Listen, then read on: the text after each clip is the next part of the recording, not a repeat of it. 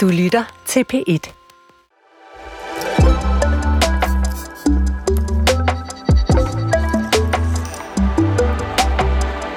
En gang var fremtiden så noget med flyvende biler og onde robotter og rummad på tube.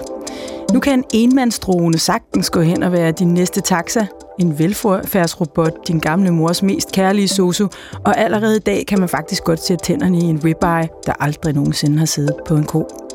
Fremtiden på P1 er nysgerrig på alt det nye, på alle de opfindelser, tanker og teknologier, der stikker næsen frem i de her år og sætter deres præg på verden og på vores hverdag. Og også på fremtidens hjerne, fremtidens mad, fremtidens krig, fremtidens sex, fremtidens byer. Ja, det er bare for at nævne nogle af de temaer, vi allerede har haft oppe i sommerens løb. I dag gælder det noget, der i den grad er produkt af tiden, kan man sige. I dag er det nemlig fremtidens skønhedsidealer. Prøv bare at høre her, hvad den øh, kunstige intelligens øh, chatbotten øh, ChatGPT får ud af det, når vi beder den om at skrive et scenarie om netop det. I år 2123 har vores skønhedsidealer gennemgået en radikal forvandling i takt med den samfundsmæssige udvikling og teknologiske fremskridt. Skønhedsstandarderne har udviklet sig mod en mere inkluderende og mangfoldig retning. Kropspositivisme er blevet en integreret del af vores kultur, hvor forskellige kropsformer og størrelser fejres og værdsættes. Samtidig er unisex-tendenser blevet mere udbredt, da samfundet har bevæget sig væk fra traditionelle kønsopdelte skønhedsstandarder. Utraditionelle stilarter og kunstneriske udtryk vinder popularitet, og folk bruger deres påklædning og udseende som en form for personlig kunst. I en verden, der er mere opmærksom på klimaforandringer og bæredygtighed, er vores påklædning blevet mere miljøbevidst. Tekstiler og tøjproduktion er bæredygtig og genbrugelig, og der er fokus på at mindske vores miljømæssige fodaftryk. Desuden har politiske budskaber og holdninger fundet vej til vores påklædning, hvor folk bruger mode som en platform til at udtrykke deres værdier og støtte vigtige samfundsspørgsmål. I år 2123 har skønhedsidealerne skiftet fra at være begrænsende og standardiseret til at være inkluderende og udtryksfulde. Individualitet, kreativitet og respekt for den menneskelige mangfoldighed er centrale elementer i vores skønhedsforståelse, og dette har skabt et samfund, hvor alle føler sig accepteret og elsket for den, de er. Det lyder dejligt, det her, Chris Pedersen. Åh, oh, altså. Det lyder helt... meget naivt. så, så har du næsten allerede svaret på mit spørgsmål, nemlig, øh, kan du se det her blive virkeligheden? Åh, oh, altså jeg, jeg håber da på, at det kunne blive virkelighed, men jeg synes, at historien viser sig, altså historien igen og igen fortæller os, at, at vi mennesker ikke udvikler os i positiv retning. Og at der også altid er sådan en, et, at, at når der sker en positiv ting, så sker der syv tilbageskridt 10 år efter. Så nej, jeg tror faktisk ikke på det. Hvordan giver det sig til udtryk i, i mode og skønhed, at man ligesom øh, træder syv skridt tilbage frem for at, at, at gå frem? Nå, men jeg synes jo bare, at vi, vi, vi sådan tit ser det der med, at vi, altså så i talsæt, øh, 90'erne, de meget tynde, øh, øh, hvad hedder det, heroin chic modellerne, Kate Moss var en af dem, ikke? at der var vi jo meget sådan, at uh, de unge piger var alt for tynde, nu skulle vi passe på, at modellerne ikke blev for tynde, og så begyndte man at arbejde lidt med nogle lidt større modeller, men så kigger man på catwalken sådan noget to år efter, og så opdager man, ah, så er der alligevel to italienske modehus eller to franske modehus, som har nogle nye modeller på catwalken, og de er så endnu højere, endnu tyndere. End og har et BMI på 14. Ja, så det er hele tiden, at, at moden er jo hele tiden et, mm. at, er jo hele tiden tryk og modtryk. Øh, og så synes jeg jo generelt, når man kigger på den menneskelige udvikling, at vi, ja, altså nej, Ja, jeg synes, jeg synes ikke, at vi den menneskelige historie tyder på, at vi er så gode til de positive fremskridt. Om du bliver dystopiens fortaler i det her program, så Chris Pedersen. Lise Lotte Lyngsø, øh, vi har dig med på en øh, såkaldt timeline, altså en forbindelse udefra, for du befinder dig i sommerlandet af forskellige årsager. Øh, du plejer at være sådan en optimistisk kvinde. Hvad synes du om det scenarie, vi lige hørte her? Altså for det første skal jeg sige, at jeg aldrig er hverken optimistisk eller pessimistisk. Det er rigtig vigtigt at være altså professionelt nysgerrig, når man arbejder med fremtiden, som jeg gør. Øh, så derfor så, så arbejder jeg meget med scenarier og, øh, og, og kæmpe mulighedsrum, men jeg er meget tilbøjelig til faktisk at kigge Chris ret i det her med tribalisme, altså at man orienterer sig i stammer. Mm. Skønhedsidealer har til alle tider handlet om at fortælle en historie om, hvem du er, og særligt sætte dig i forhold til andre typer og andre mennesker. Så det har jo en helt klar funktion. Så på den måde kan man sige, at historien helt sikkert også spejler sig ind i den fremtid. Øh, og så kan man sige, at det er skidt, hvis vi går i krig med hinanden, men det er også meget rart det der med, ikke man kan huske den der Monty Python, uh, everybody is different, og så er der en, der råber, no, I'm not. altså, vi har et kæmpe behov for at høre til et eller andet sted. ja, den er, øh, rammer det måske meget godt. Det var Liselotte Lyngsø, øh, som antydet fremtidsforsker eller futurist, om man vil, og øh, stiftende partner i Future Navigator, som vi hørte her. Og øh, Liselotte har vi selvfølgelig med os som gæst øh, hele timen i dag. Og så var det øh, Chris Pedersen, som sidder over for mig, øh, som jo er kulturjournalist, øh, modekspert, øh, har blandt andet, kan folk nok huske, lavet øh, den serie, der hedder Skønhedens øh, Magt på, øh, på DRK.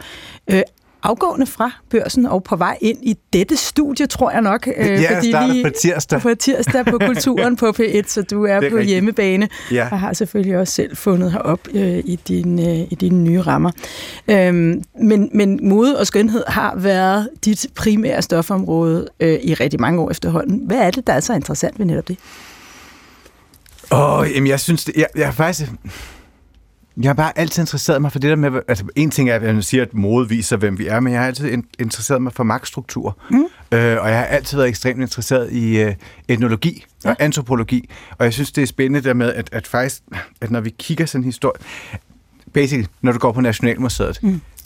det der fortæller de tidligste ting om menneskeheden, det er potteskår, og så er det smykker. Ja. Og nogle gange er der lidt tøj, en lille øh, tekstilgenstand, men der er også meget tit, så ser man jo også, at, hvad hedder det, at, at, du, at, at, at håret er bevaret, så man har jo fundet, hvad hedder det, altså gamle lig med, med, med deres hårpragt. Mm. Og på den måde, så, så, er det, så bliver det så tydeligt det med, forfængelighed og, og tøj, øh, øh, smykker altid har været en del af, af, af, af menneskeheden. At vi har brug for at pynte os, og vi har brug for at vise, hvor vi er i samfundet.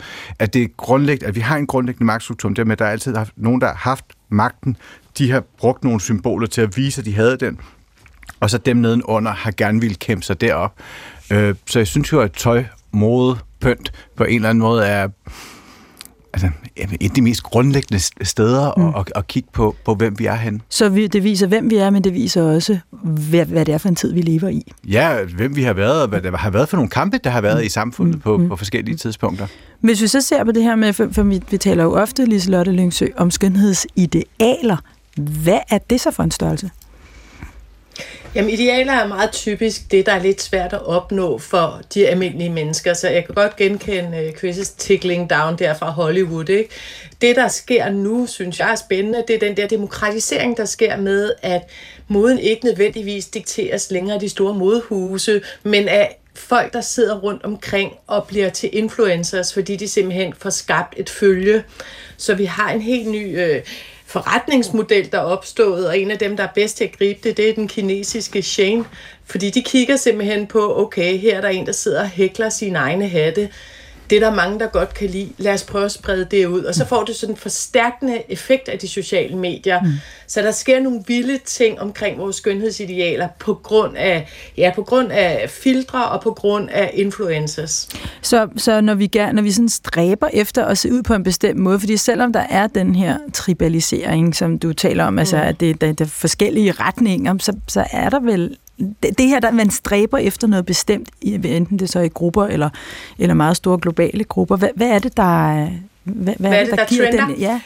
Øh, altså, hvis jeg skal se, hvad der trender lige nu, så er det det evige liv. Det er helt vildt. Altså, det handler om, at øh, linjen mellem, øh, kan man sige, idealet med, hvordan du ser ud, og sundhed, den viskes ud for øjeblikket.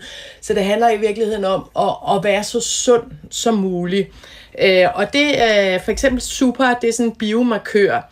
Der kan man bruge kunstig intelligens, og så kan jeg se et billede af dig og Chris, og så kan jeg faktisk øh, bruge en algoritme til at gætte jeres alder. Man kan sige, at det er faktisk ret hardcore i forhold til, hvis øh, det er et forsikringsselskab, eller det er din arbejdsgiver, der sidder og kigger på billedet. Ikke? Øh, wow. Øh, men så kan man simpelthen snyde den biologiske alder, så det handler om at, ja, øh, det hele den her longevity-trend, der bliver brugt ja. ufattelig mange penge på det, så det gælder simpelthen om at skrue din alder, din biologiske alder tilbage. Og så er der kommet sådan en øh, anden quick fix som Ozempic, altså øh, fra Novo Nordisk og nu også Eli Lilly, som så kan gøre, at ja, halvdelen af verdens befolkning er for, for øjeblikket overvægtige, der er flere overvægtige end undervægtige, jamen så kan man så øh, tabe de der 20 procent. Og det vil sige, at så øh, er der lige pludselig nogle nye skønhedsudfordringer. Der er det såkaldte Ozempic face, mm. altså fordi ansigtet kommer til at hænge, når folk taber sig så hurtigt. Og det skal så øh, fixes, og vi kan se, at kosmetiske indgreb, altså vi regner med, at de vokser med en, øh, ja, faktisk øh, omkring 10% om året, helt op til 2030. Og der er jo rigtig mange penge det her. Det er mega dyrt, om du mm. vil tabe dig på den der øh, måde, eller om du vil have puttet nogle filler i, sådan så man ikke kan se, at du har tabt dig på kinderne.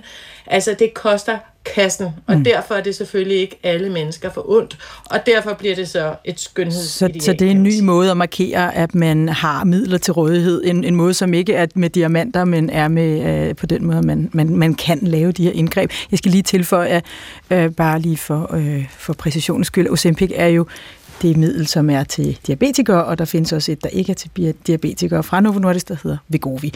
Bare lige så vi har det på det rene. Uh, Chris Pedersen, du markerede, de du ville kommentere det her. De fleste prøver at få fat i Ozempic, det er billigere. Det er fordi, det er, det er tilskudsberettiget, ja, det er fuldstændig korrekt. Jamen, jeg synes bare, det er interessant, det med, at, at, at det, vi, man kommer meget ofte til at tale om skønhedsidealer sammen med modeindustrien. Jeg synes egentlig, at, at det er, altså for mig hænger de ikke så vanvittigt tæt sammen.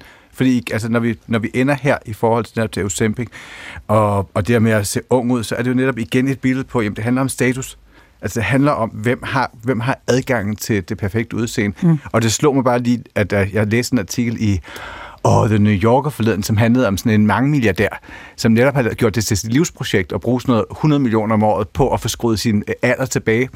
Og han er sådan noget, jeg kan ikke huske, om han var 50, men han lignede en, der var 17, fordi han så spiser alle mulige mærkelige ting og får alle mulige behandlinger. Men det er ligesom hans projekt. Ja. Og den danske influencer Emil Thorup, hvis man kender ham, han er faktisk i gang med et, et, et, et, lignende projekt til ja. et eller andet tv-program eller et radioprogram, som handler om det med, hvor, hvor meget kan du ligesom skrue tiden tilbage, ja. sådan rent fysisk. Og har jo ellers et ret så øh, drenget udseende i virkeligheden. Ja, ja. så det er tydeligt ja. det med, og det kan du jo kun, når du er rig. Ja. Og det er jo også det med, at, sige, at i forhold til, til altså kropsvægt og sådan noget, mm. så har det også ret sjovt, at, i mange lande, der er det jo faktisk billigere at leve usundt, usundt end det er at leve sundt. sundt.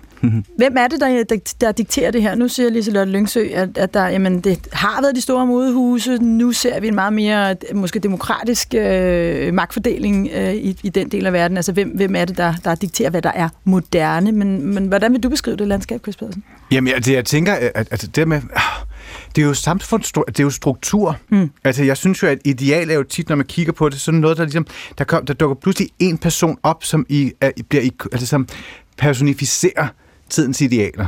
Øh, tænker man på sådan en, tænker man på, på Twiggy for eksempel, mm. som var den der topmodel i 60'erne, det, hun rammer jo tiden, det er en meget, meget tynde, tynde, tynde mm. topmodel, hun er britisk, hun bliver en del af swing i London, men hun er jo ligesom, hun bliver jo billedet på den der tid, hvor både at øh, kvinder kom på arbejdsmarkedet, ungdom, der har været ungdomsoprøret, p-pillene dukket op, og, og så bliver den der tynde, tynde unge pige, bliver ligesom den, som vi alle, sammen, eller alle kigger på, og hun bliver tidens billede.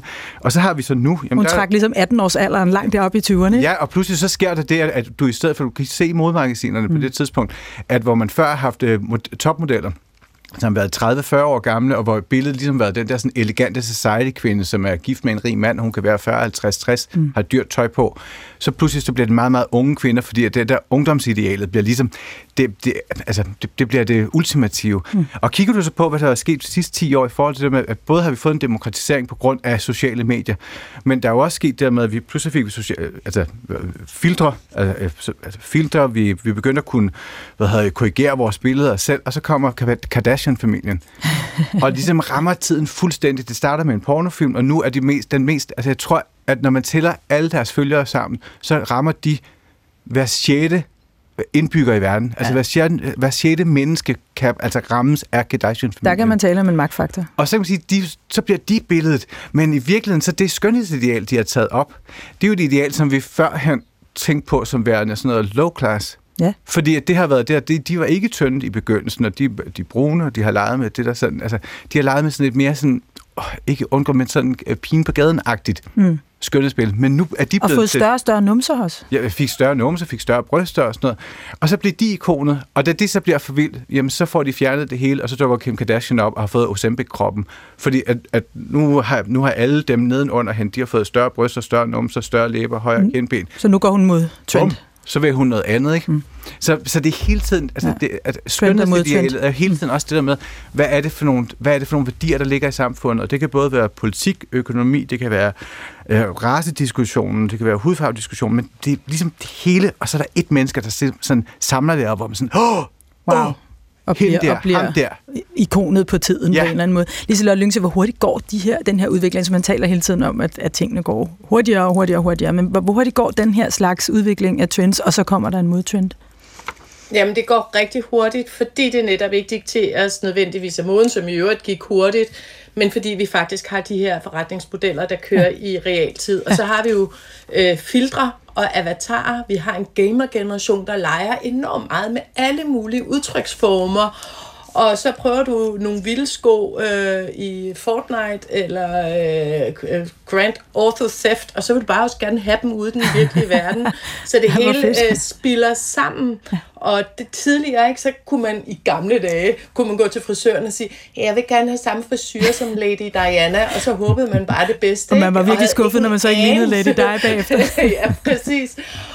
Og nu kan man bare sidde og lege med de vildeste outfit. Ja. Altså, der var en pige i Tyskland, jeg tror hun var 15 år gammel, hun var forsvundet, og politiet ledte og ledte efter hende, og så efter nogle måneder, så kom hendes veninde og sagde, hun ser altså overhovedet ikke sådan ud i virkeligheden. Hun har brugt masser af filtre, nu skal du se, hvordan hun rigtig ser ud, og så viser hun så et billede på sin mobiltelefon. Altså, så man kan ikke engang finde efterlyste folk, fordi at de bruger så mange filtre. 50 procent af unge fra 9. klasse og frem, de bruger filtre i alle deres opslag på de sociale medier, ja. så man har heller ikke en idé om, hvordan folk ser ud. Ja, det er også, det er også vildt. Og, det, og, og på et tidspunkt var der en trend med, at folk skrev no filter. Det synes jeg var så morsomt, fordi det der med at sige, hvad tingene ikke er, det er, skal man jo altid hæfte sig lidt ved. Ja, og så Forstået. kan man Det er sige det. sig selv med no filter, så, altså, så kender folk jo kameraet så godt nu, at hvor det i gamle dage var Greta Garbo, der kunne finde ud af at gå ind på et filmsæt, og så kendte hun sit lys. Ja. Nu kender alle, altså vi kender alle sammen vores lys. Det gjorde vi jo ikke for 20 år siden. Men jeg vil sige, at det der med, at, at hvor, hvor, hvor, tit ændrer skønhedsidealerne, fordi nu siger du, at, at det går meget hurtigt nu. Jeg synes, det er interessant at, at sige, at kropsfasonmæssigt, der kan man se, at det går hurtigere nu, at der kommer nye idealer hurtigere, hvor, fordi man historisk kan man næsten sige, om 20'erne så sådan ud, 30'erne sådan, 40'erne, at der er ligesom et ikon på hvert år 10 eller hver 10 ja. 15 år. Men, men til gengæld er der jo så et, et skønhedsideal nu, som handler om det der med, at vi jo netop har filtrene, at, at, at lige meget hvilken façon man har, hvilken hudfarve man har, så det man går efter, det er det der sådan, øh, ikke et filtret look, men i gamle dage ville man kalde det retuscheret. Jeg arbejdede på modemagasinet for 10 år siden, og der talte vi jo meget om det, at vi retuscherede modellerne. Og der vidste vi jo godt, når de kom ind billederne, at så så man ud på en måde, og så retuscherede man. Og man siger jo faktisk også i skønhedskirurgien nu, eller når du går ind på en klinik eller ser reklamerne, så er der jo også mange, der arbejder med det der med, altså, at, at du, du skal ligne et filter. Det er derfor, at man får lavet de her behandlinger, ikke? så du kan få den der dewy skin, eller du kan få den der overflade. Men vi vil gerne ligne et filter nu. Mm. Så er det måske ikke en kropsfasong, men så er det en overflade, ja. som bliver til skønhedsidealet. Og det er jo det, der er Så vi henter ikke? simpelthen inspirationen derindefra. Hvad med, hvad med sådan noget som, øh, hvis vi skal tale om, hvad det er, der ligesom er øh, moderne lige nu, nu sådan noget som øh, kropspositivitet, det har jo været en, øh, en bevægelse i noget tid nu, Mm. blandt andet eksemplificeret ved øh, nogen, altså en sanger som Jada for eksempel, som har været fuldstændig vanvittig sej og stillet sig op i sin øh, kraftige krop, og har været ret afklædt, og har været meget sexet op på scenen, og været synes jeg, mega sej. Øh, og jeg kunne da konstatere, øh, jeg var i Tisvilde øh, i sidste weekend, og øh, jeg kunne da konstatere, at der gik adskillige ret unge kvinder rundt, som ved Gud ikke lignede nogen, der var inde i noget modmagasin, sådan som folk så ud for, øh, for 10-15 år siden, og viste maver og viste numser, og var helt åbenlyst utrolig veltilpas i deres eget skin, at de så i hvert fald sådan ud. Og jeg blev så glad, og blev også lidt taknemmelig for, for den øh, bevægelse. Hvad betyder det? Jeg skal lige spørge, hvor gammel er du? Jeg er 50. Ja, jeg er 46, og jeg, jeg kigger altså også på de unge mennesker nu, og så tænker, oh, hvor er det vidunderligt, at der er, altså der er den der, sådan, det der er rum til, der kan man sige, skønhedsbilledet, nogle gange det med, hvem er idealet, der er det jo også, at idealet nogle gange også er de mennesker, som giver andre, altså, at du får et ikon, og det ikon eller det forbillede giver dig rum til at være den, du er. Mm. Og det er, jo, det er jo det, som sådan en kvinde som, som hende har gjort. Og så kan man sige, at, at med hele det her kropspositivisme, der synes jeg jo, det er sådan en spændende snak, fordi at det er måske et af de skønheds, eller et af de idealer, som ikke er, det er ikke let afkodeligt. Nej. Altså, der ligger en politik nedenunder, som du skal være enig i. Der ligger noget, noget kvindebevidsthed, noget ja, feminisme, men jo føler også, jeg. Ja, og, og, og det, er jo også, det er jo også identitetspolitisk. Ja. Altså, fordi du kan jo ja. lige så mange kvinder og mænd, som siger, Jada er super sej, så oplever man jo, og det kan man jo se hver gang hun optræder, ja, ja, der er også nogen, der bliver voldsomt provokeret. på den anden side, ja. som bliver voldsomt provokeret, og hvor det måske hænger lidt sammen med øh, deres politiske overbevisning, hvor man står på fløjene, ja og øh, hvor, hvordan man er opdraget, hvilken generation man er. Er man en af den generation, som, som, hvor det hele handlede om, at man skulle være pæn, og overfladen ja. skulle være... Så, så det er jo også et ideal, som på en eller anden måde, hvor det bliver meget tydeligt, det der med, at skønhedsidealet også følger en bevægelse i samfundet. Ja. Eller kunne de være grebet af, siger jeg nu, mens jeg trækker mine neonrøde strømper på. Øh, en utrolig trang til at kontrollere andre mennesker. Ja. Men øh, jeg var nok også bare grebet af den der tisvildefeber deroppe, for jeg blev faktisk meget positivt overrasket ja. over at se øh, også ude i det offentlige rum og i festligt Men jeg synes jo, omvendt så bliver man også nødt til at kigge på, at, at, at at, at vi må heller ikke lade os forblænde af, at der er et ikon, der går den vej, ja. og så sige, at nu har alle unge mennesker, de har det her dejlige ikon, ja. derfor, fordi der er lige så mange, som så følger en anden, som så lige så har ikon, som hedder Shishi Hadid eller Bella Hadid, ja. som er de der høje, høje, høje, ja. høje. Og Kim Kardashian, som nu sidder ja. og vejer 20 kilo mindre, og ja. har, som du sagde, inden vi startede, et, et par kindben, der næsten øh, strider ja. ud gennem huden. Så vi har jo hele tiden flere ja. skønhedsidealer, ja. der kører, fordi vi netop er forskellige ja. samfundsgrupper. Der er andet end, øh, hvad for noget tøj vi øh, putter på, og, og hvordan vi former vores krop, når vi taler øh, skønhed. Vi har øh, også besøg af dig, Marie Thomsen, make artist. Velkommen. Mange tak. Øhm, hvor får du egentlig din inspiration fra, når du skal øh, påføre øh, mennesker make-up og, og dermed fremhæve de øh, ja, features, de nu måtte have i, i deres, ja, primært deres ansigt, kan man sige? Primært ansigt, ja. hvad hedder det? Um Jamen, øh, rigtig meget i gadebilledet og ved de unge, altså hos de unge. Ja. Øhm, jeg synes, der er, som Chris sagde, der kører ligesom flere spor, og det er super interessant. Øh, men der er sådan modmagasinerne og reklamerne, som vi ser, de har meget en, en ensrettet look, så, så jeg kigger til de unge. Hvad ser du? Hvad der, får, hvad der sker? Lige nu, ja. Øhm, en lejende tilgang en eller anden form for frihed. Det er som om, at grænserne er blevet totalt sprængt, synes jeg. Altså, mm. jeg kigger også på TikTok, hvor der virkelig bliver lagt mange ja. beauty-videoer op, ja. og der er bare forskellige tendenser, der kører sideløbende. Ja. Og, øh, og de unge, de elsker det, og der bliver brugt meget makeup. Ja. Samtidig med, at vi har det her modebillede, hvor det er fuldstændig naturligt, dewy, kontrolleret. Ja, lidt som du egentlig selv ser ud lige nu, fordi du, du, du ser helt øh, naturlig ud og har ja, meget dewy og meget, øh, og meget, meget op, op til synlædende uden øh, ret uden meget makeup meget makeup på. Ja. Ja. ja. Ja. Den er sådan den safe, ja. vil jeg sige. Hvordan, hvordan bliver du bedt om at, at style modeller, når du er ude på job i dag? Altså, hvad er det for en retning, det peger så? Ja, men det er stadigvæk meget det naturlige. Ja. Det er det. Ja. Det er den sikre, som øh, de kommercielle kunder, de kører meget, og faktisk også magasinerne.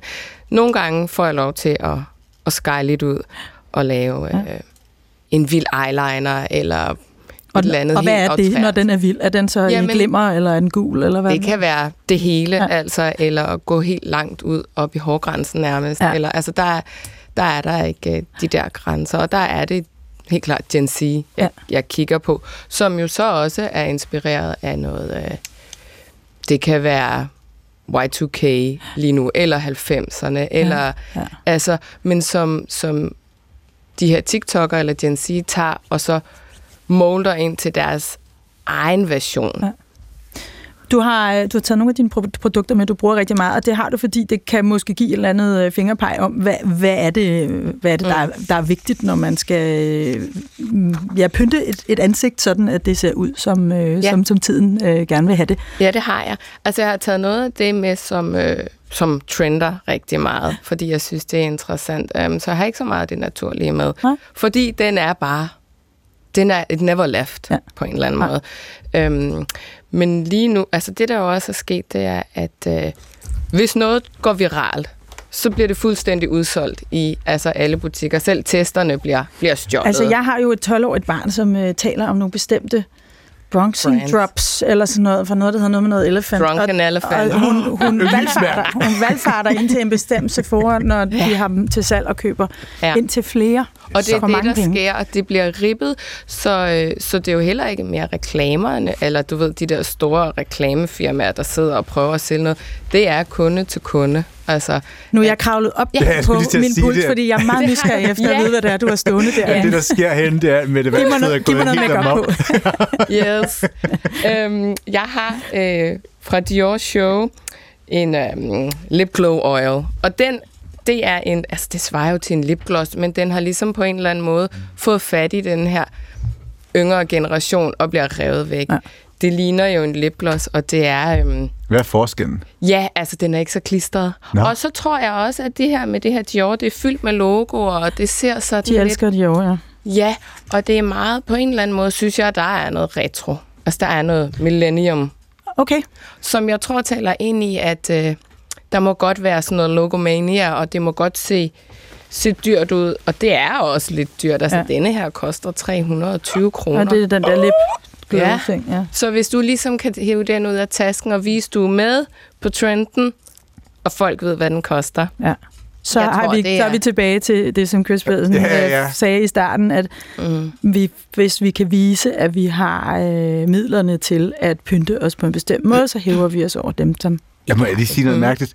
Det var, jeg faldt ned af sådan en trendsales-hul forleden, Ja. og der så jeg, at der var nogen, der sælger sådan halve make Ja. eller du ved, en halv Chanel læbestift, hvor jeg sad, og så kostede den 200 kroner, var sådan lidt, Ja. hvem køber en gammel læbestift? Men det kan da godt forstå, det koster åbenbart. 320 kroner. Det er jo det. Og det er jo ikke fordi, at er der er blevet lavet en god reklame nødvendigvis. Det er der jo så også. Jeg tror, de har brugt sådan... Måske nu kan jeg godt være, at jeg siger noget forkert, men Zendaya, eller der er også lavet noget flot PR-arbejde, men det er fordi, hvis der er noget, der går viralt, mm. så ved man ligesom, at det virker. Og jeg bruger det også selv som make artist Hvis jeg hører, denne her lipgloss, den er god, okay, så går du ud og køber den. ja, ja, fordi det er fra kunde til kunde. Ja, præcis. Må jeg lige spørge om en ting? Ja. Øh, de, der, de der kæmpe øjenbryn, hvor man øh, skal bruge sådan en form for, ja, det er vel hårspray til øjenbryn. Er det fordi, at vi mødes så meget på skærm, at vi skal kunne se hinanden øh, øjne, altså at det, at det ligesom trender, fordi det ser jo nogle gange fjollet ud med de der kæmpe buske, mm. men, men jeg kan godt se, at det ser godt ud på foto. Altså, det synes jeg faktisk er en enormt interessant tanke, at du har, for jeg har slet ikke tænkt det på den måde, øh, i forhold til de her store bushy brows, som er meget fremme, men jeg vil så også sige, samtidig så har vi også de her skinny brows, som Bella Hadid supermodel for eksempel har vist. Øhm, om det er i forhold til, at du bliver mere markeret, når du ser på skærmen, øh, muligvis. Det kan også have noget at gøre med, at øh, altså hele det her markering af ansigtet er blevet en stor ting. De bruger meget makeup.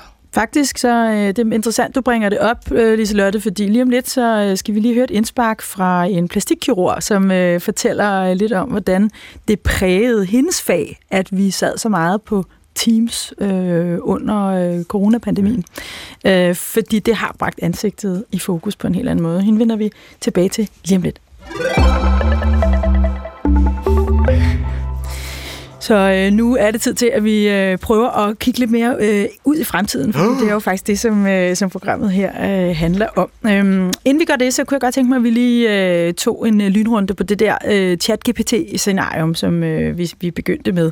Vi kommer til at stille nogle flere krav til chat-GPT, så det giver måske et mere øh, realistisk fremtidsscenarie i slutningen af udsendelsen. Men i første omgang vil jeg gerne bede dig, Chris, og dig, Liselotte, om at, øh, at give et bud på øh, bare ja eller nej på de her udsagn, som, øh, som kom frem.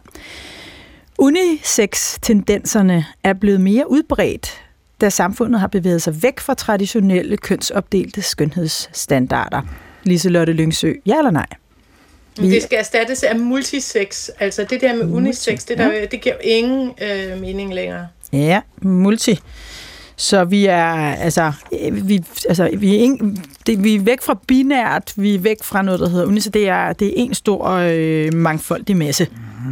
Åh, oh, det, det, det, Jeg tror- jeg tror- ser, ser bekymret ud nu. Jamen, jeg vil sige både ja og nej. Ja, hvorfor? Jeg vil, jeg vil mere tænke, at vi får øh, den ene del af samfundet, som er fuldstændig ja, og så har vi den politiske modpol, som så er et fuldstændig nej. Jeg Også i næsten, 21-23. ja, jeg kunne næsten forestille mig, at vi havde altså simpelthen helt tilbage til sådan noget af af 1950'ernes forstadskvinde, mm. kønsidealer, eller Mad Men på den ene side, og så den totale modsætning på den anden. Det, Ja, ja, det det, kan godt være, at jeg skal uddybe, men jeg tænker, det er ikke engang kun mennesker her. Ah. Vi bruger også avatarer som Mickey Mouse, Minnie Mouse til den tid. Altså, vi klæder os, øh, vi bruger dyr, vi bruger mennesker. Altså, det bliver virkelig multipolart. ja. det lyder sådan lidt på en eller anden måde syret om øh, japansk på en eller anden sjov måde. Ja, ja, men det er også det, der trender allermest på Pornhub lige nu. Jamen, det lærte jeg som ung IT-journalist. Hvis man skal vide, hvad der sker øh, i fremtiden, så Altid skal man følge porno. pornoen. det er rigtigt. Du er altid me- meget hurtigere end alle andre Yes. brancher med øh, den teknologiske udvikling, sjovt nok. Chris Pedersen, øh, folk bruger deres påklædning og udseende som en form for personlig kunst. Ja eller nej? 21-23? Øh, ja, og det, der tror jeg, det, det har vi altid gjort, men nogen har gjort det ubevidst, og så har der været nogen, der gjort det mere bevidst. Jeg tror, i, i det, vi bliver mere og mere medieret. Vi vender os mere og mere til kamera, til vi er et medie selv, og derfor så kommer flere og flere mennesker til at bruge det meget mere bevidst, end ja. man gør nu. Liselotte Lyngsø, kropspositivisme er blevet en integreret del af vores kultur, hvor forskellige kropsformer og størrelser fejres og værdsættes. Ja eller nej? Ja, skal jeg lige forklare, hvorfor? Ja, tak. Og det er, det er simpelthen, fordi det er blevet så let at lise, ligne Miss- Miss Universe. Altså, det, det er jo noget, der bliver alle for ondt, og så bliver det jo røvkedeligt. Ja. Og det, der er idealt, som vi tidligere var inde på, det er altid det, der er svært. Så hvordan kommer du til at ligne en rigtig irsk skæv pige? Eller hvordan kommer du til at... Altså, så det der med historiefortællingen bliver bare så vigtigt, mm. og kropspositivisme er en vigtig del af den øh, trend.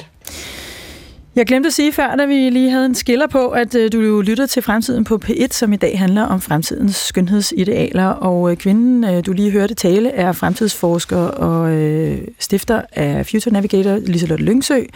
Øh, hørte også øh, kulturjournalist og modekspert Chris Pedersen, og så har vi også make-up-artist Marie Thomsen i studiet her. Nu skal vi øh, tale om, øh, hvordan man ændrer på øh, sin, øh, sin fremtoning på lidt mere radikal vis, end ved blot at øh, iklæde sig øh, noget tøj, eller ved at øh, påføre sig noget sminke, nemlig kosmetiske indgreb. Øhm, det er øh, noget, der har mange hundrede år på, øh, på banen. Øh, både mange kulturer og nationer og stammer har jo øh, i århundreder øh, forsøgt at ændre og pynte på deres udseende. Det kan være ved at sætte øh, skiver på læberne, eller strække øreflipperne, eller binde fødderne ind, eller, øh, eller lave øh, tatoveringer og mærkninger af forskellige arter af art på, øh, på deres hud. Og i dag er det jo nok plastikkirurgen, øh, vi i hvert fald i vores kulturkreds primært øh, går til, når vi gerne vil ændre øh, på vores udseende. Det har vi talt med speciallæge i plastikkirurgi, Marie, von, øh, Marie-Louise von Sperling, øh, som ejer klinikken von Sperling Kosmetisk øh, Klinik om. Og øh, hun fortæller her lidt om, hvad det er for nogle kosmetiske indgreb, der er populære i dag. Hvis man sådan kigger overordnet, så er det øjenlåg, det er brystkirurgi, det er fedtsugninger på kroppen, og så er det øh, ja, forskellige former for brystkirurgi, øh, og så er selvfølgelig maveskin og, og de her ansigtsoperationer. Det er det, der, det er det, der hitter. Og så siger hun også øh, lidt om her, hvem der får foretaget de her ting. I får lov at kommentere dem til sekund. Der er mange forskellige typer mennesker, der får lavet kosmetiske indgreb. Altså bare at kunne sige, det er bare lige den der boks øh, folk, der kommer. Øh, men det er selvfølgelig øh, yngre, øh, f.eks. kvinder, der har ventet hele deres øh, teenageår på bryster, som aldrig får udviklet bryster. Det er sådan en gruppe. Det er dem, der kommer tidligt. Så er der dem, der kommer i 20'erne, 30'erne, som måske egentlig er meget tilfredse med sig selv, men måske de ønsker lidt mere af det gode. Øh, og så kommer der kvinder, øh, efter de har født eller tabt sig i vægt, altså sidst i 30'erne, 40'erne, hvor de sådan, okay, jeg har fået to-tre børn, mit maveskin hænger, mit bryster hænger. Jeg kunne egentlig godt tænke mig at have min krop lidt tilbage, hvor jeg var, før jeg fik de her børn. Øh, eller jeg har tabt mig 30-40 kilo, eller øh, kan vi fjerne noget af det løse hud, der gør, at jeg ikke kan løbe øh, en tur, eller jeg synes, det er irriterende, at have har kjoler på, at der også er en masse løs hud. Øh, og jeg vil faktisk sige, eller jo, øh, ældre synes jeg egentlig søger mere kirurgi nu, end, end tidligere, der startede i branchen. Altså, der er også folk i 50'erne og 60'erne, og siger, hov, nu har jeg gået hele mit liv med det her. Øh, det kunne jeg godt tænke mig at nå at få noget og korrigeret og nyde, at jeg så kan være et sted i min krop nu, hvor jeg synes, at det problem er løst. Liselotte Lyngsø, øh, det er jo lidt interessant det her med, at flere øh, også øh, ja, nu bliver man åbenbart kaldt ældre, når Ja, man er 50 og 60 og over 60. Men altså, øh, mennesker i min alder ønsker sjovt nok også at se yngre og friskere ud. Mm, hvad, hvad, hvad, hvad ser du det som et udtryk for, Liselotte Lyngsø? Jamen, for det første, så har vi jo en masse, der skal være på arbejdsmarkedet rigtig længe, og vi må bare sige, at der er ageism, og der er øh, øh, god investering og økonomi i at holde sig øh, ung og attraktiv så længe som muligt, fordi du skal jo være en markedsværdi i dag, og øh, det er ikke nok at vise din alder, og så siger de, øj, hvor må du være klog. Øh, det er bare ekstremt udsendende drevet, og vi må bare sige, at der er lavet masser af videnskabelige undersøgelser af, folk, der ser godt ud, jamen de klarer sig bedre. Chris Peterson, hvad tror du er det næste skridt? Altså nu taler vi plastikkirurgi, vi taler om, at vi egentlig radikalt kan gå ind og ændre på, på vores udseende. Hvad, hvad, hvad, vil, vil vi tage det med os, øh, hvis vi begynder at kigge lidt frem i tiden, tror du? Jamen det tror jeg det er helt bestemt, vi vil. Men, men igen, så, så er der jo ikke nogen af os, der rigtig ved, hvad der sker. Men jeg kom til at tænke på en pussy ting i går. Ja. Det er, at øh, min generation, jeg, jeg er meget gennemsnitlig for min generation. Jeg er 182, så jeg vejer 77-78 kilo. Og, og jeg er ligesom sådan ret, jeg tror, jeg er sådan standardstørrelse. Kigger man på gaden nu, og det tror jeg, det var, så kan man se, at rigtig mange unge mænd, de er meget, meget høje. Ja. Altså det er, og det er fordi, og jeg ved ikke hvorfor, man kan bare se, at næste generation af unge mennesker er meget højere end min generation var. Ja. Og måske er noget med, at de lever sundere og sådan noget. Og så kommer man til at tænke over, at det med, jamen, hvis alle pludselig er ekstremt høje, kan vide, om det så, så bliver det totalt shit om 100 år at være på højde med Kylie Minogue. Endelig. Endelig. altså det der med, at jeg er det, bliver det svært, ikke? Fordi, og, og, og, det er jo fordi, man, hvis man kigger rundt omkring i verden, så kan man se, at nogle af de folkeslag, som er, er, er lave, der kan man jo se, altså følger man øh, koreanske influencer, så ser man tit sådan nogle øh, videoer, hvor, der går, hvor de går rundt, og så er det helt tydeligt, at de, er blevet, at de har strukket sig mm. på videoen. Så de har sådan en meget langt, nærmest avatar ting. Og det er jo også i nogle af de kulturer, hvor man faktisk har, og det lyder frygteligt, men som har de der, den type plastik eller kirurgi, som handler om at forlænge benene. Hvor du simpelthen... så, så den der sådan igen, hvad er det svære? Vi havde et program forleden dag, der handlede om fremtidens supermagter, og, og to af fremtidens øh, supermagter, hvis vi skal tro de eksperter, vi havde på den dag, øh, kunne jo øh, med, og, og med, en, øh, med en vis øh, ret og god øh, argumentation pege på øh, Kina og Indien som nogle af fremtidens supermagter, som vil præge os i samme grad, som måske som vi har set USA øh, har gjort i, mm. i årtier. USA vil stadigvæk spille en rolle som supermagt, skal jeg skynde mig at sige. Men det kunne vel godt øh, gøre, at vi importerede nogle skønhedsidealer for den egen af verden, som vi ikke har importeret helt så meget endnu, selvom jeg er klar over, at koreansk hudpleje ja. og sådan noget har været stor. Ja, hvor man jo faktisk tværtimod har, har set, at altså, vi, altså historisk, eller måske ikke engang så meget historisk, men altså i mange afrikanske lande, der er, altså indtil for ganske få år siden, der er flere modeuger, som har forbudt øh, blegecreme. Altså blegende hudcreme, fordi ja. der var så mange unge kvinder, som ja. begyndte at udvikle cancer, og fik den der grå hudtone, fordi de farede. Ja. Og man er også i, det, i, i, i asiatiske lande der, og nu kan jeg ikke huske, om det er et folds eller to folds øjenlåg, men at, at vi har, at, åh, at, at hvide mennesker har en eller to folder, og mange asiatiske har. Det er ligesom sådan et, hvor man så kunne se, at, at, at, at, at, skønhedsklinikker i, i Asien, at, at unge kvinder og mænd er kommet ind og har gerne vil have en ekstra altså, det, det vestlige ja. øjenlåg. Ja. Og der kan, jo, der kan jo godt tænkes, at når magt, magtstrukturen forandrer sig, ja. så begynder vi at kigge den vej i stedet ja. for. Ja. Og så bliver det også som vil have magtens symboler, ikke? Ja, interessant. Liselotte Lyngsø, øh, kan, kan du se for dig, at, øh, at, at den form for, kan man sige, næsten geopolitiske øh, indflydelser øh, vil også vil komme til at påvirke, hvad vores skønhedsideal er i en fremtid? Bestemt. Altså, vi kan jo se det med øh, K-pop, hvordan det allerede ja. har haft indflydelse. Ja. Øh, Forklar lige, hvad K-pop er. Som vi var inde for. Jamen, det er nogle musikgrupper fra Sydkorea, ja. og fordi at det handler om, hvad vi lytter til, og hvad vi ser, hvad vi trækker ned på YouTube og TikTok, jamen så er det ikke altid de store modhus, der kan sætte dagsordenen mm. længere. Jeg vil lige sige en ting, øh, som påvirker mig også lidt, da jeg lyttede til vores øh, makeup artist øh, at, at øh, det er faktisk seks år tidligere, nu har du en datter på, på 12 år, mm at man begynder at interessere sig for brands. Det gjorde vi ikke, og det er mm. altså, øh, fordi der er rigtig mange penge i at ja. forme og manipulere, og alle børn i dag, de sidder og laver, øh, de har ikke en make-up-dukke længere, de sidder simpelthen og bruger sig selv som læret, og det er jo fantastisk kreativt og sjovt, det er øh, skide sjovt, at badeværelset er okkuperet i halvanden time. der er mange penge i det, ikke? Altså, mm. der er mm. mange penge, ja. øh, der cirkulerer i det, ja. øh, og der er spørgsmål, om det fortsætter. Jeg vil gerne kigge langt ud, og det, det jeg, jeg tænker på, som, som vi i hvert fald kan få, når jeg hører plastikkirurgen, det er hele stamcelleteknologien. Den kan faktisk lære os skro et ekstra øre i panden til nogle ekstra øreringe, ja. hvis vi vil have det. Altså, vi begynder virkelig at kunne lave nogle, nogle, nogle gakkede øh, ting. Ja. Og så har vi jo altså også en øh, livsbane, der om 100 år regner vi med, at den er minimum 150 år, hvis ikke længere.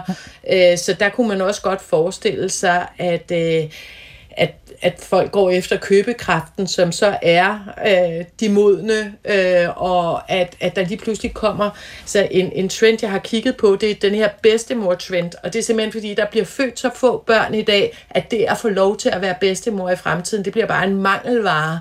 Så det kunne sagtens blive sådan en helt ny fashion, og klæde dig som de gode gamle bedstemødre. Øh, fordi de både er en luksus, som ikke er alle for ondt at få det der barnebarn, øh, og så har de købekraften. Øh, lidt ligesom vi har set, at øh, vi har haft en, en homoseksuel gruppe, som, som har den der købekraft, og også har sparket i forhold til... Øh, præcis. Hedder det det? The Pink moden. Dollar? Yes. Fantastisk. Det er mig. Øh, og så tror jeg, vi får... Øh, yes. Øh, så får vi en masse øh, klogt klogt tøj? Altså, skal vi have aircondition i hele rummet, eller kan det integreres i vores beklædning? Altså, mm. man kan også få noget øh, selvprintet tøj, øh, hvor det kan stretches, sådan så du faktisk kan bruge det samme tøj hele livet. Ja. Øh, og hvorfor ikke også forestille dig, at du kan printe dit eget ansigt? Og det er der, hvor jeg tænker, så begynder vi også at lege med, hvad for en køn har jeg lyst til at være i dag. Ej, hvor er det fantastisk. Ja, du har allerede taget hul på den fjerne fremtid, Lise Lyngsø. Det er stærkt fascinerende, så det, øh, det, den, den tager vi lige videre lige om et øjeblik. Marie Thomsen, jeg kunne godt tænke mig, inden vi går videre i den fjerne fremtid, ja, eller, og, og dog, fordi når, når nu Lise Lyngsø taler om stamcelleteknologi, jeg, jeg forestiller mig jo den dag, at nogen finder ud af, hvordan man giver alle mennesker hud som øh, en babyrøv, så, så er øh, vedkommendes øh, lykke og formue gjort. Hvad, hvad, hvad er det, hvad er det øh, du kan se, øh, hvordan kan du se, at hvis vi taler kosmetiske øh, operationer og kosmetiske indgreb af de her mere radikale slags, mm. hvordan spiller det sammen med, øh, med dit fag, med, med, med make-up? Altså, kan, kan du se, at der kommer flere og flere af den slags indgreb, og hvad, ja. Hvad, ja. Hvad, hvilken, hvilke krav stiller det til det, du øh, skal hjælpe folk med? Øhm Jamen, det ændrer faktisk ikke så meget på, hvad jeg skal gøre, men jeg kan se, at det bliver altså mere og mere udbredt. Ja. Og det, øh, Hvordan ser du det?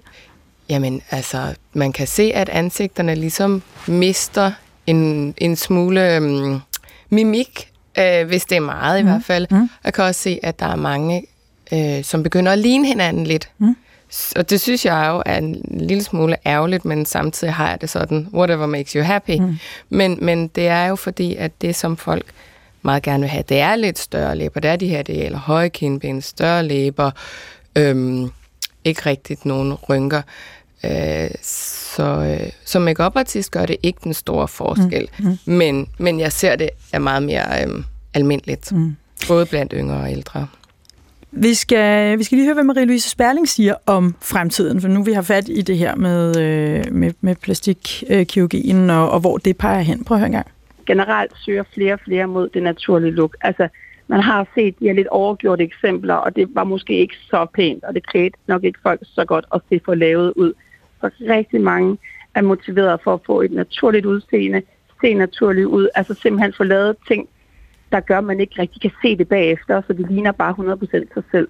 Så det er den tendens, der er der. Det er den her lidt øh, øh, ja, naturlighedsudseende, øh, og den her lidt quiet luxury, den her med, at man, mm, man, man holder sig bare godt længe, øh, og det er lidt en, en hemmelighed, hvordan man gør det. Man ser bare godt ud, der skal ikke så meget til. Et, den tendens, den ser vi også inden for QG'en, at folk går lidt tilbage. De vil godt have det lavet, men de skal altså ligne sig selv, og de skal ikke ligne en anden. Det er det, det, er det som, det, er det, som øh, plastikkirurgen stadigvæk ser som, som sådan det næste og, og, og et stykke vej frem. Men ovenpå det kan I jo så bygge den her variationsmulighed, som det er, at man lægger nogle gakkede øh, make-up'er øh, ind i det, eller mm. at man pynter sig med, øh, med, med smykker og, og tøj og så videre, som, øh, som, som får det hele til at se ud på en helt anden måde. Eller Liselotte Lyngsø, det du snakkede om før, som er, at man, at man så øh, begynder at, øh, at, at lade sig inspirere af øh, beklædningsgenstande fra Grand Theft Auto eller øh, sådan noget. Prøv lige at sige lidt mere om, hvordan øh, du i agtager, at sådan nogle digitale trends rykker ind i det analoge liv. Jamen for det første, så er det ikke øh, sådan en fjernsynsgeneration længere. Det er nogen, der leger med. Det er nogen, der samskaber. Og der er ikke øh, langt fra den store bagedyst til, at du skal bage dit ansigt op også. Så det er sådan en gør-det-selv-generation, som som vil inddrages og som vil skabe, og det er lige så meget processen med at putte på, tage af. Det, det er meget øh, det lejende.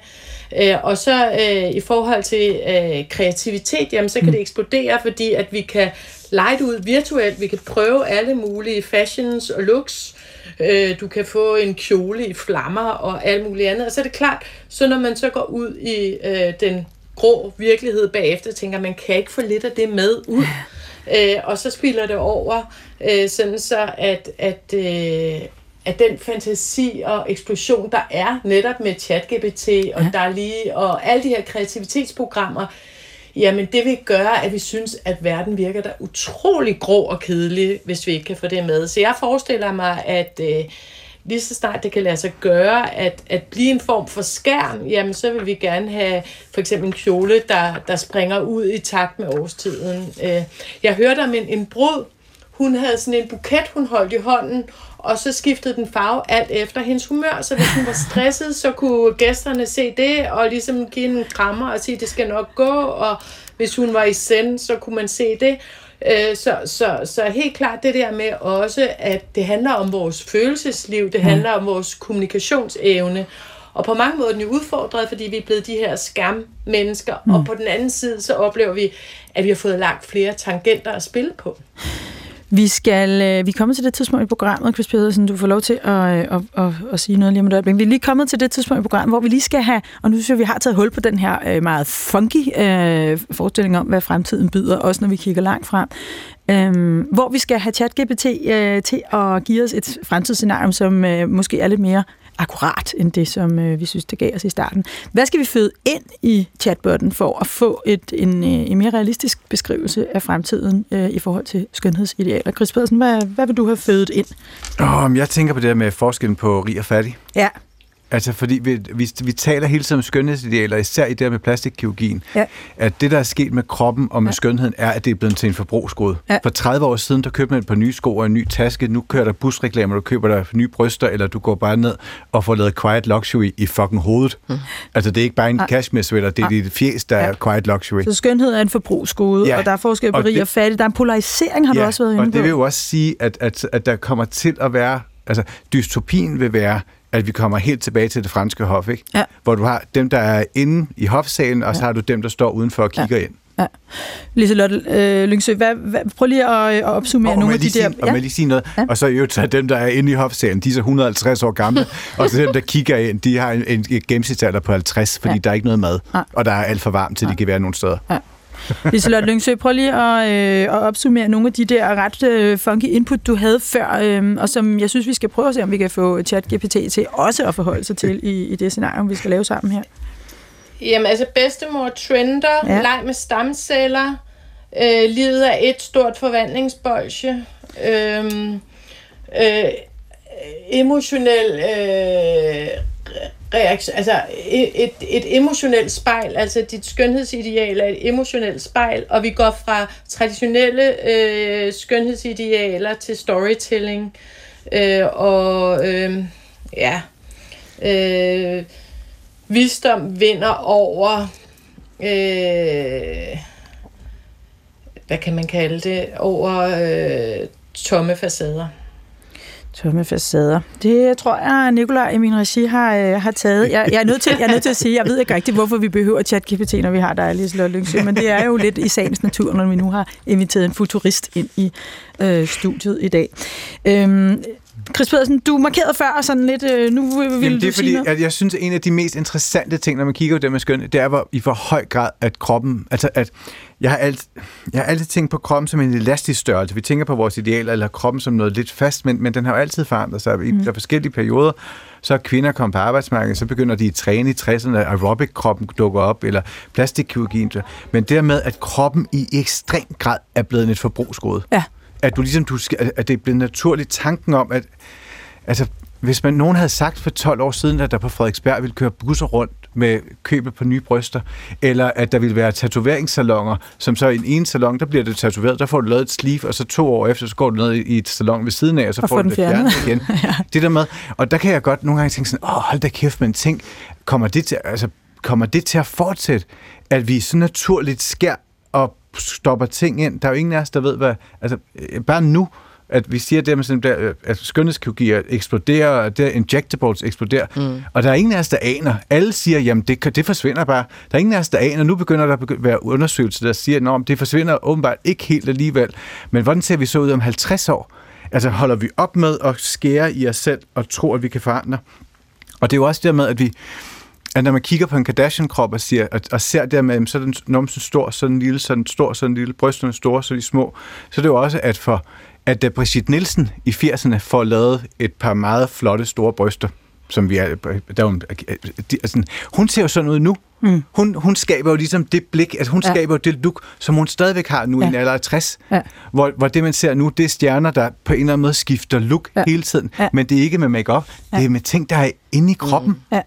Ja, og det, det, det, som... Det øh, interessante Liselotte- med Bridget Nielsen, det er, at hun bliver 56 år gammel mor, og jeg tror, at det, der er den store game changer, hvis vi skal det her med, det er, at kvinder vil kunne få børn til de fylder 100. Ja. Og det vil sige, en af de ting, der har gjort, at man skal se ung ud, det er, at man kan reproducere sig selv, ja. at man kan sætte børn i verden. Lige så snart det bliver taget ud af ligningen, tror jeg, det kommer til at påvirke vores skønhedsideal rigtig meget. Men tror du også, altså apropos det her, vi taler om med bedstemor-trenden, Liselotte, øhm, at hvis vi tager den øh, parameter ud, altså ungdomsparameteren, fordi øh, til alle Fordi tider... vi ikke behøver at koncentrere Ja. os om reproduktion, Ja, fordi præcis. det er jo den værdi, det handler om. Vil, vil, vil, vil, vil ungdommen som skønhedsideal så også blive udvandet i en eller anden grad? De kan sagtens risikere at blive det nye øh, proletariat, som ingen gider, fordi de ikke har nogen penge, og de ikke er inde i varmen. Og hvis de ikke har den værdi, i og med, at de kan tilbyde det der drøm om evigt liv, Ja. ja. så kan vi ikke bruge dem længere andet end til at tappe blod fra dem, så vi selv lever længere. Marie Thomsen? Øhm, det der til Liselotte, tror du, at der på et eller andet tidspunkt i løbet af de næste 100 år kommer en, en sådan en modvægt til det her ungdoms øhm, altså ideal? Bliver det på noget tidspunkt moderne at være altså full, fyldt med rynker? Vil det, altså, eller bare køre helt naturligt og have saggy boobs? Øh, ja, det tror jeg også, fordi at der kommer ligesom noget, øh, noget spirituelt ind i det, og netop det der med, hvis du har muligheden nærmest med et klik med en mus at få fjernet alt, øh, og ligne den der babyrøv, som, som Mette taler om, jamen mm. så er det klart, så er det ikke så interessant længere. Så er det en commodity. det, der har været, så er det en commodity. Men i det øjeblik, at vi kan øh, skabe børn hele livet og alt muligt andet, jamen så øh, vil det være nogle andre ting, som er mangelvaren. Og så kan det være det der med visdom, det med at stå i sig selv, det der med at have en 117 forskellige historier. Hvad hedder hun, hende der har bestedet, jeg ved ikke, hvor mange bjerge, hende fra Alders Ja, der, ikke? ja. Eller, eller en anden, ja. hvor man bare siger, hold da op, hvor er de bare smukke, fordi du kunne bare se på dem, at de har været ude og ja. leve det vilde liv. Chris Pedersen, øh, øh, bare- rynker og saggy boobs. Jamen, jeg har bare lyst til at sige det, men igen skal vi huske, at der er altid flere forskellige idealer. Mm. Og hvis man så kigger på sådan det intellektuelle, chique franske ideal, nu døde Jane Birkin her forleden, øh, Præcis. fransk ikon, som jo Ja. ja. ikke er blevet lavet til ukendelighed, som døde, jeg tror hun var, var hun 74, så så jeg begravelsen, hvor Charlotte Rampling dukker op, den ikoniske franske, eller britisk-franske skuespillerinde, som jo også har rynker. Mm. Øh, Caroline Røgfeldt, en af de store franske moderedaktører, var fyldt med rynker allerede, da hun var 60. Så igen, der er jo også nogen, som ligesom er noget andet. Nu skal vi lige nå at have læst det nye scenarie. Jeg har trukket det lidt, fordi øh, jeg vil gerne gentage. Øh, og det, ja, det siger jeg i stor respekt, Elisabeth Lyngsø, vi behøver ikke den her chat-GPT, for jeg synes, den siger noget sludder i forhold til uh, dine skarpe pointer. Men nu får I den alligevel. I år 2021-2023 er fremtidens skønhedsidealer præget af en tydelig forskel mellem rig og fattig. Den polariserede befolkning har to idealer. Den ene vender sig mod bedstemorstil, trends, som hylder individualitet, alderdom og autenticitet. Denne trend værdsætter visdom og erfaring frem for overfladiske skønhedsstandarder. På den anden side er der dem, der benytter avancerede stamcelleindgreb til at ændre deres udseende, hvilket fører til en mere standardiseret og ensartet skønhed. Denne gruppe søger perfektion gennem teknologiske forbedringer. Fattige områder omfavner ofte bedstemorstilen, da den er mere tilgængelig og repræsenterer et oprør mod overforbrug af kunstige skønhedsidealer. De rige har derimod adgang til teknologien, hvilket skaber en kløft mellem de to grupper. Over tid vinder visdom og ægthed dog over tomme facader, da samfundet begynder at værdsætte indre skønhed og autentiske identiteter. Denne udvikling fører til en mere inkluderende og accepterende tilgang til skønhed, uanset hvor man hører til. Ja, når jeg siger, at det er noget sludder, så synes jeg, det er fordi, det er sådan en lidt underlig øh, forsimplet udgave det, vi faktisk har talt om i en hel time. det er sådan øh, lidt- den bidrager ikke til så meget i dag, synes jeg. Nej, Chris der- Pedersen, hvad siger du? Det er sådan lidt det ene og lidt det andet. Ja. Vi kan ikke rigtig beslutte sig for også noget. noget omkring køn. det hele Ja. kan ikke være sandt. vel? Men jeg synes, det kunne godt være sådan en, altså en eller anden øh, science fiction forfatter, som har skrevet en rigtig dårlig bog på 800 sider, ja. som man ligger og læser, så bliver den, Den filmatiseret været 10 med, sider. øh, med Charlotte Gainsbourg og Nicole Kidman i to hovedroller. Uh, det, det er skønt. Chris Pedersen, hvad kunne du drømme om? Altså, hvis vi, hvis vi nu tager lidt øh, sådan personligt afsæt, hvad kunne du drømme om, at de her skønhedsidealer he- udviklede sig hen imod hen over de næste 100 år? Jeg kan huske, at da jeg lavede Skønhedens Magt, eller sammen med Jon Adelsing lavede den for, for 6-7 år siden, og en af de ting, jeg tænkte på, det var i det, at vi begynder at blive bedre til at tale om skønhed som et, et fænomen, der er jo derude i verden, som har en stor indflydelse på vores liv, og på, på vores penge, på vores sexliv, på alle mulige ting. At det måske lærer os at, at kigge lidt mere barmhjertigt på os selv. At, at at det der med sådan et, nå gud, det er sådan, vi kæmper alle sammen med nogle ting. Mm. Og det, der er alle de her mekanismer på spil. Skønhed er ikke bare noget, der eksisterer. Mm. Det, det er noget, der ændrer os, man, mm. man kan. Så tror jeg, at det håber jeg, at, at vi at bliver lidt mere barmhjertige. Ikke kigger så ondt på os selv. Maria Thomsen, med et ord, hvad kunne du drømme om? Øhm, ja, positivitet omkring Ja. ja. sig selv. Ja. Liselotte Lyngsø, hvad kunne du drømme om, at skønhedsidealerne udviklede sig i retning af? Sådan helt kort. Jamen, jeg, jeg kunne godt drømme om, at børnene fik lov til at have deres barndom lidt længere. Ej, hvor er det trist det hele. Jo, men øh, Det er sådan Som-. George Orwell-agtigt. Uh, uh, uh, ulykkeligt. vi må jo øh, sætte os... Nej, men jeg synes, jeg synes det er vildt, ikke? Ja. Altså, at, at legetøjsbutikken er blevet overtaget af TikTok. af Sephora. Ja. Make-up studio. Ja. Vi ved ikke, hvad fremtiden bringer, men øh, jeg synes, vi har fået indkredset øh, lidt om, hvad, øh, hvad der præger den, og hvad der sætter rammer for den. Øh, tak fordi I var med, alle tre. Øh, kulturjournalister, modeekspert og snart øh, vært på øh, P1 Kulturen, Chris Pedersen, fremtidsforsker, future navigator, Liselotte Lyngsø og make artist Marie Thomsen. Programmet øh, i dag var øh, produceret af Beam Audio Agency øh, og tilrettelagt af Nikolaj Dupont og Asta Åholm. Jeg hedder Mette Valsted Vestergaard, og øh, jeg vil sige på gensyn i næste uge.